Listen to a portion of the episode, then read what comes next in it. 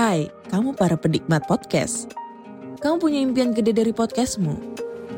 Terus First Story bisa banget bantu kamu. Mulai dari F-Link, Dynamic Audio Insertion, sampai statistik yang komprehensif. Semua ada di First Story. Gak ketinggalan kamu bisa monetisasi podcastmu lewat iklan dari First Story Ads yang bisa kasih kamu penghasilan dari setiap place podcastmu. Yuk gabung sekarang dengan klik di firststory.me. Sekali lagi, klik di firststory.me. Mari kita bawa mimpi podcastingmu menjadi kenyataan.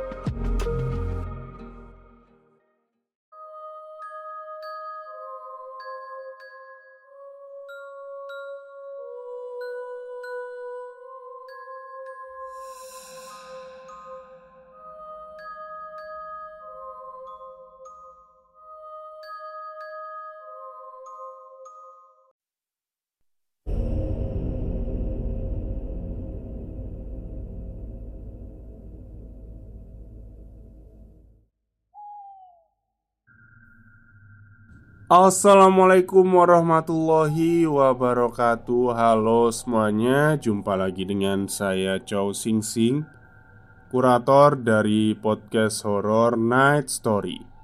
Halo apa kabar semuanya? Semoga kalian semua sehat-sehat ya. Dan seperti biasanya pada hari ini saya kembali dan akan menghadirkan sebuah kisah mistis untuk kalian semua. Kisah mistis kali ini saya datangkan dari treat horornya Mas Kalong yang menceritakan tentang seorang pemuda yang memiliki uh, semacam penglihatan ya. Bisa disebut indera keenam mungkin ya. Oke, daripada kita berlama-lama, mari kita simak ceritanya. Kisah nyata tentang seorang pemuda yang tiba-tiba mendapatkan penglihatan batin sebelum ditinggal pergi oleh seorang wanita yang selama ini menjaganya. Mbah Suroso, itulah namanya. Seorang nenek yang tangguh dan tegas untuk menjaga cucu-cucunya. Namun sialnya, pemuda itu harus melihat mereka yang selama ini bersemayam di rumahnya. Halo, perkenalkan namaku Dimas. Aku akan menceritakan kisahku saat aku tiba-tiba bisa melihat mereka sebelum nenekku pergi. Waktu itu, 10 tahun yang lalu, aku masih nganggur, belum memiliki pekerjaan masih bebas ke sana kemari. Pagi itu aku melihat nenekku sedang duduk di depan rumah. Seperti biasa, dia melihat cucu-cucunya bermain. Dan benar, nenekku waktu itu masih sehat dengan umur 90 tahunan kala itu. Seperti yang kalian tahu, orang tua zaman dulu masih kental dengan yang namanya kejawen.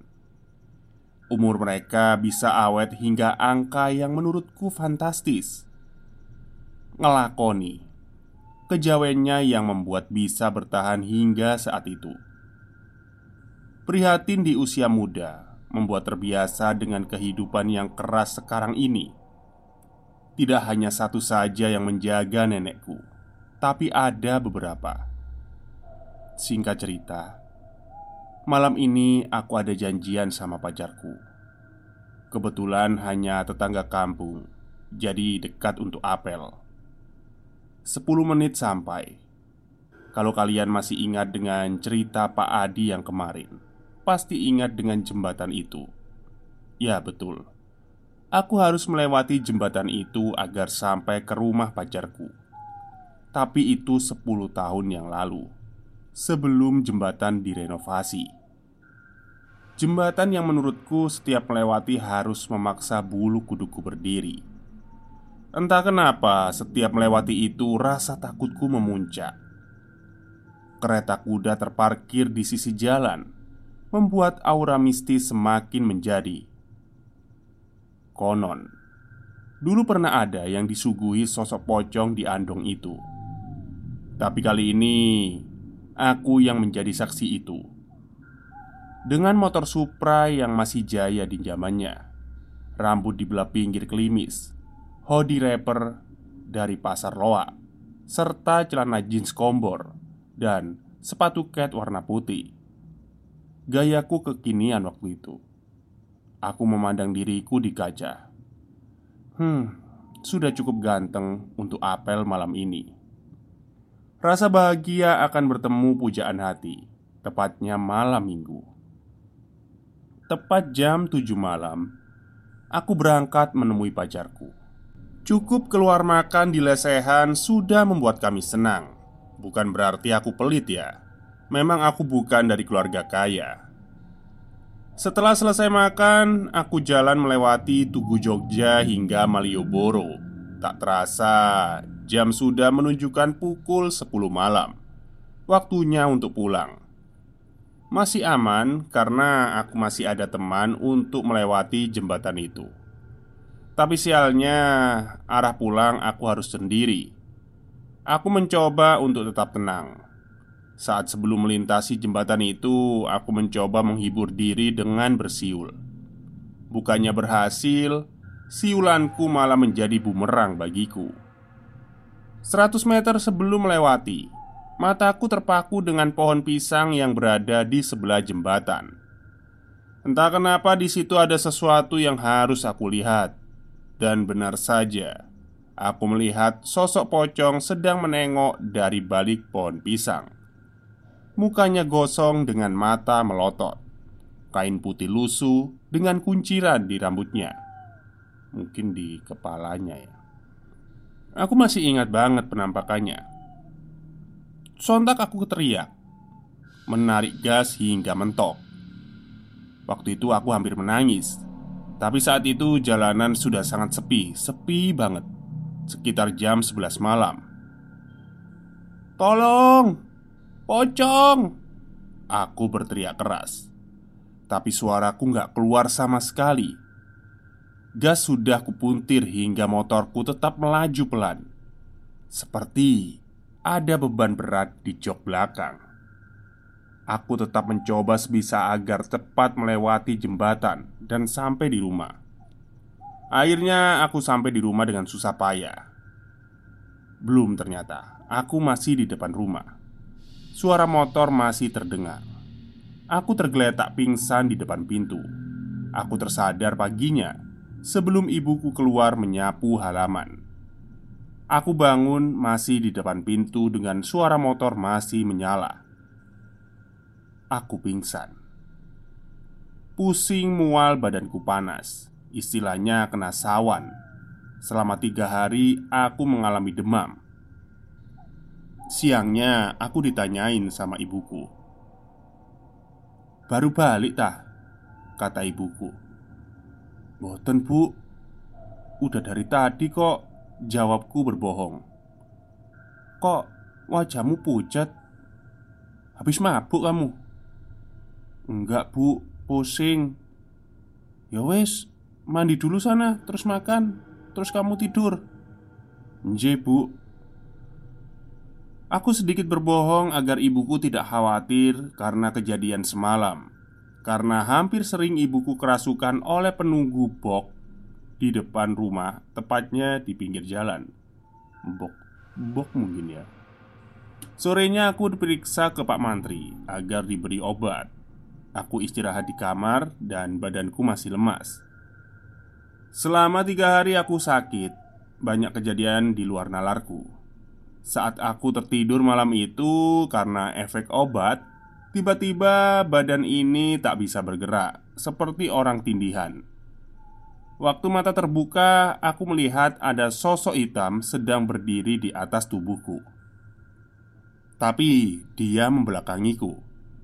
Berpakaian serba hitam, rambut panjang bergelombang.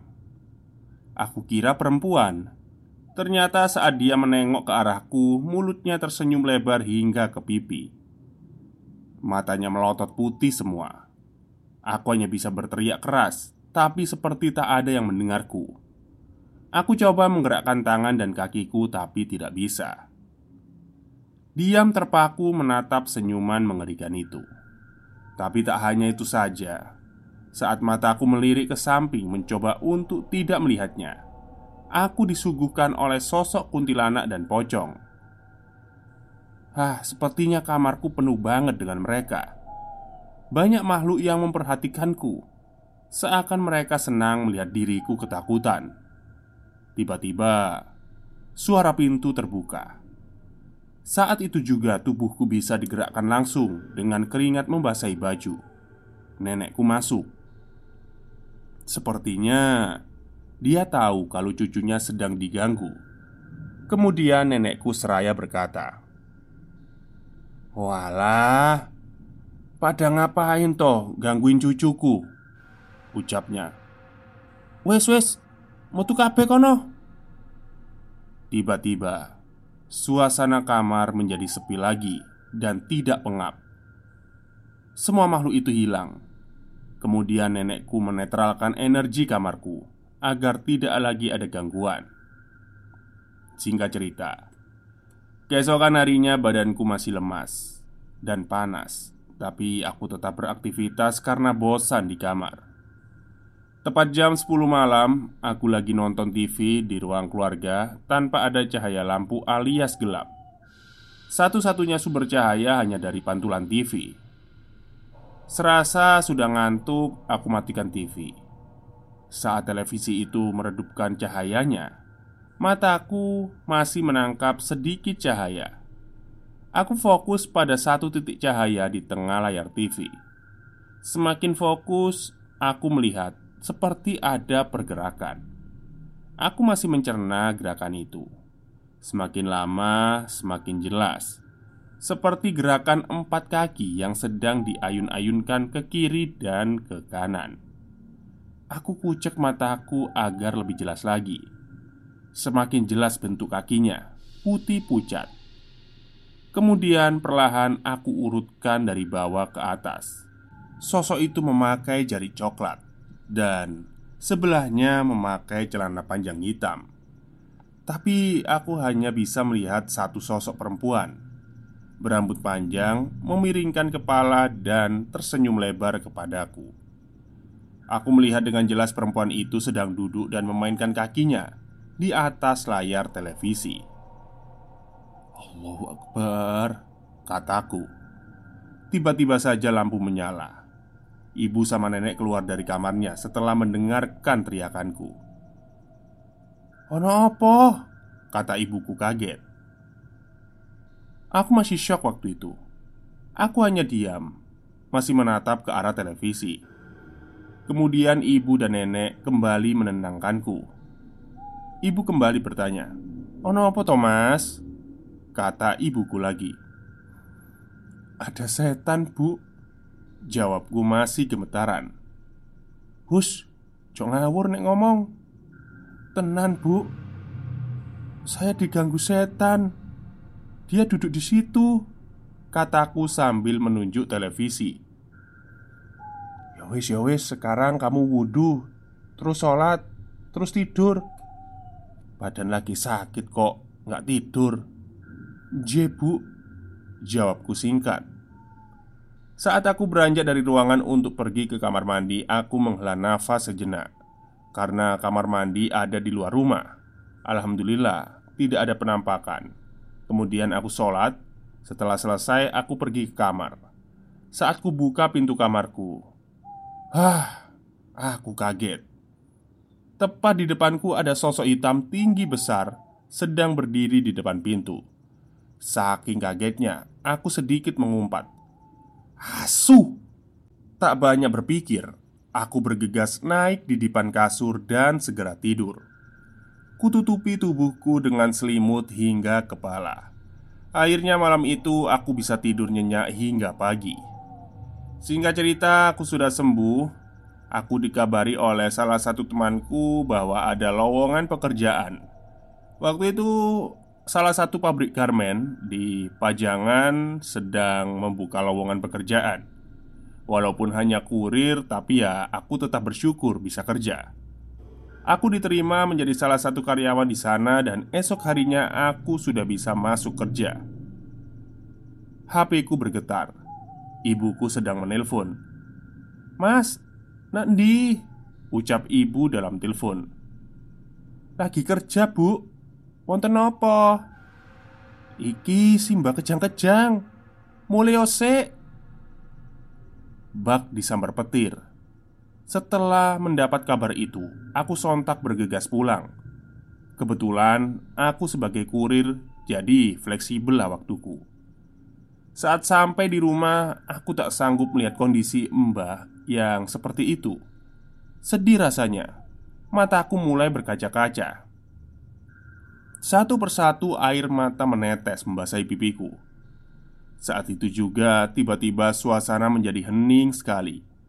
Yang tadinya ramai banyak warga yang datang Sekarang menjadi sepi tidak ada orang. Hanya aku sendiri. Aku bingung Ke mana orang-orang itu pergi? Saat terdengar adzan zuhur berkumandang Suasana menjadi ramai lagi.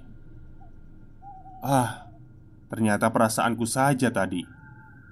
Sore hari, warga bergantian datang pergi untuk menengok nenek, yasinan dan pengajian dan berdoa agar dimudahkan jalannya. Nenekku mengalami sakaratul maut selama seminggu. Bayangkan, selama seminggu beliau kejang-kejang seperti itu. Sore itu juga aku dapat melihat dengan jelas bentuk dan rupa makhluk halus tapi dalam keadaan terpuruk seperti ini, aku tidak terlalu menghiraukan mereka. Aku lebih terfokus agar nenekku baik-baik saja. Dimensi lain, hari berikutnya, aku berangkat kerja seperti biasa. Saat perjalanan dari rumah ke pabrik, suasana di jalan sangat ramai, ramai sekali. Tidak seperti esok sebelumnya, banyak orang berjalan, tapi Anehnya, tubuh mereka itu kayak pucat semua. Tapi waktu itu aku belum mempedulikannya. Yang terpenting, aku sampai pabrik baik-baik saja. Waktu itu menjelang akhir bulan, jadi sebagian karyawan akan pulang malam karena membereskan laporan bulanan. Jam 7 malam, aku disuruh supervisorku untuk membeli makan malam untuk semua karyawan di bagianku bekerja. Saat selesai membayar makanan, aku bergegas agar sampai pabrik makanan masih panas. Belum sampai pabrik, aku harus melewati sedikit hutan dengan pemandangan banyak pohon jati besar yang menjulang tinggi. Entah kenapa ya, saat jalanan menanjak, aku seperti masuk dalam dimensi lain. Di dalam dimensi itu, hujan itu sangat lebat sekali dan ada angin kencang. Kebetulan aku hanya membawa motor. Duh, kok malah hujan sih? Batinku kesal Tapi tetap Aku lanjutkan agar makanan saat tiba di pabrik bisa langsung dimakan. Aku gas pelan sepeda motorku Agar fokus dan tidak menabrak. Aku tengok kanan kiri. Aku melihat ada beberapa gerobak di pinggir jalan. Pikirku tadi sewaktu turun untuk membeli makanan Tidak ada satupun gerobak. Tapi Kok sekarang ada ya? Aneh pokoknya Aku perhatikan sekeliling dengan badan yang sudah dibasahi air hujan. Seperti gerobak zaman dulu.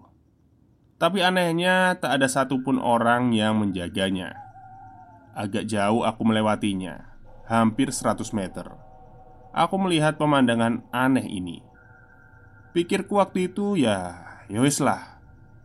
Nasinya sudah basah semua. Kalau disuruh ganti ya nggak apa-apa lah Aku tetap berjalan pelan agar tidak menabrak. Setelah kurang lebih 100 meter Pemandangan gerobak itu sudah nggak ada. Hanya sepi dan gelap. Sesampainya di depan gerbang pabrik Aku merasa aneh lagi. Pikirku basah semua karena kehujanan. Tapi setelah aku pegang bajuku Ternyata kering. Dan nasiku juga masih panas. Aku sempat berpikir keras Ini seperti mimpi tapi nyata. Konon katanya memang di jalan itu ada ruang dimensi lain Yang pernah memakan korban hilang tak kembali ke dunia nyata. Tapi syukurlah aku selamat. Singkat cerita, tak terasa sudah jam 10 malam. Waktunya pulang. Saat dalam perjalanan sebelum sampai rumah Aku harus melewati jembatan itu lagi Aku melihat pemandangan yang aneh lagi. Kuda. Ya, aku melihat kuda malam itu. Aku masih belum ngeh dan hanya melihat sembari melewatinya. Beberapa detik setelahnya, aku baru sadar ada kuda. Aku tengok lewat spion motor. Kuda itu sudah nggak ada. Sontak bulu kuduku merinding. Ku percepat laju kendaraan agar sampai di rumah. Alhamdulillah, aku sudah sampai di rumah. Sudah waktunya selesai dan mandi, serta sholat malam. Waktunya untuk istirahat setelah seharian bergelut dengan panasnya matahari. Saat aku merebahkan tubuhku di depan, posisi waktu itu aku tidur miring menghadap tembok. Sambil memegang HP dan menunggu balasan chat dari kekasih, tiba-tiba aku mendengar suara erangan berat seperti ini. Uh, suara apa itu? Uh, terdengar lagi. Posisi lampu kamar masih menyala. Tiba-tiba saja badanku berat sekali, seperti tindihan, padahal aku tidak tidur. Aku coba gerakin, tapi susah dari sudut mataku, aku seperti menangkap sesuatu yang mengganggu. Entah kenapa, hanya di kepalaku saja yang tidak bisa bergerak, seakan memang disuruh untuk melihat apa yang ada di belakangku. Terlihat sosok pocong tanpa kepala sedang duduk membelakangiku. Di lehernya ada darah yang bercucuran. Kalian bisa kan membayangkan sosoknya? Dan tiba-tiba saja semuanya menjadi gelap Hingga esok hari, aku tersadar Aku meremas tanganku yang sedang memegang HP Aku melihat chattingan semalam. Aku kira hanya mimpi. Ternyata kejadian semalam itu memang nyata. Bayangan sosok pocong tanpa kepala Sampai sekarang masih teringat Dan dengan bentuknya pun Aku masih terngiang. Astagfirullah. Hari berikutnya aku beraktivitas seperti biasanya. Tapi malam itu aku mengalami kejadian yang seram lagi Tepat jam 10 malam aku sudah di kamar. Lampu masih menyala terang Masih fokus dengan layar HP-ku Saat aku berkedip sekian detik Tiba-tiba saja tepat di depan mukaku Sekitar satu meteran. Sosok perempuan berpakaian serba hitam dengan rambut acak-acakan sedang melirik dengan mata melotot penuh amarah. Seperti mata yang memiliki rasa marah. Wujudnya tidak menyeramkan Tapi tatapan matanya begitu membuatku terasa terancam Ku bejamkan mata sembari berdoa sebisaku Berharap sosok itu pergi saat ku buka mataku, ternyata sosok itu masih ada dan masih dengan tatapan menyeramkan. Dengan gesit, aku berlari keluar kamar. "Ngapain kamu?" tanya kakakku yang sedang berbaring di sofa depan TV. "Gak popo kok," jawabku dengan keringat di sekujur tubuhku. Akhirnya malam itu aku tidur di sofa depan TV dengan ditemani oleh kakakku. Dari sekian banyak rentetan kejadian menyeramkan yang telah aku alami dan aku persingkat saja Kejadian di mana selama empat hari dan tiga hari berbeda waktu Aku bermimpi bertemu seorang perempuan dan anak kecil Mimpi ini saling menyambung ya Aku seperti diberi wejangan oleh perempuan itu Tapi aku lupa Sangat lupa karena banyaknya rentetan kejadian yang hampir membuatku gila Kemudian diikuti oleh anak kecil saat setelah selesai memberi makanan di kolam ikan. Melihat segerombolan anak kecil sedang bermain di lari-larian, ternyata anak-anak kecil itu adalah tuyul. Larinya cepat sekali seperti tak ada beban. Dan aku juga melihat nenek-nenek di warung saat mau mencuci piring. Belum sempat mencuci piring saat membuka pintu, aku kaget. Nenek itu sudah berdiri menungguku di balik pintu. Pokoknya random lah ceritanya Dan cerita ini akhir dari nenekku yang dijemput ajalnya Waktu itu aku sedang berada di rumah teman yang tak jauh dengan rumahnya Maksudnya dengan rumahku mungkin ya Tiba-tiba saja aku ditelepon ibu Mas, ayo balik Kata ibuku Ono apa toh bu? Wes balik sih Ternyata di rumah sudah banyak keluarga berkumpul. Mereka sudah dalam kondisi duduk bersimpu melingkari nenekku yang sudah terbaring.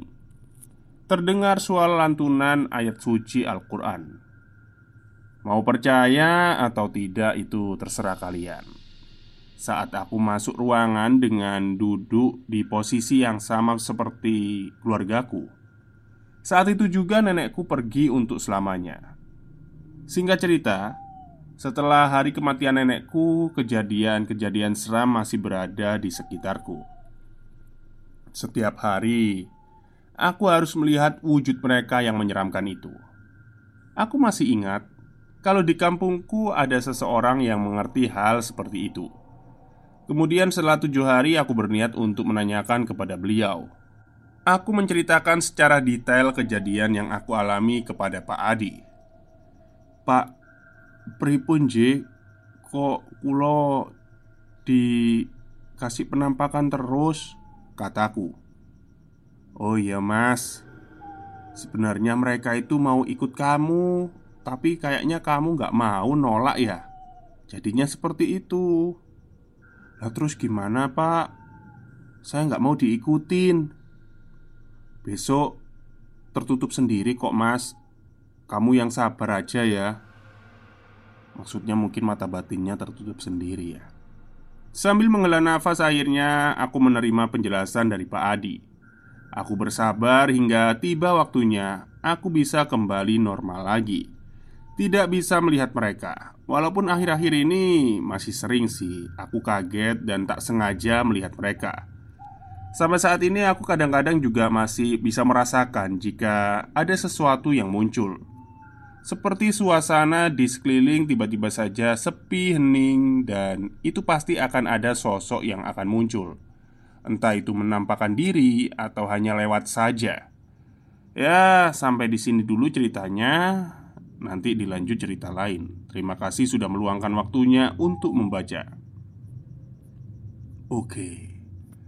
Jadi cerita dari Mas Kalong ini dari narasumbernya ya agak sedikit random ya, jadi uh, tidak berurutan dengan kejadian. Namun, dia ini menceritakan tentang pengalamannya melihat mereka. Bisa jadi karena keturunan dari neneknya itu, neneknya ngelakoni, terus secara nggak langsung itu pasti akan nurun gitu. Karena banyak hal-hal seperti itu. Jadi kayak Bakat lah ya. Orang-orang dulu kan kayak gitu.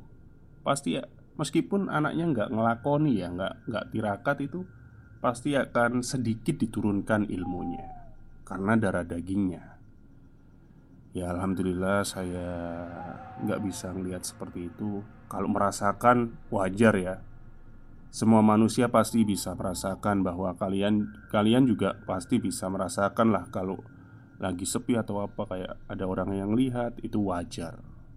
Itu indera manusia yang dasar.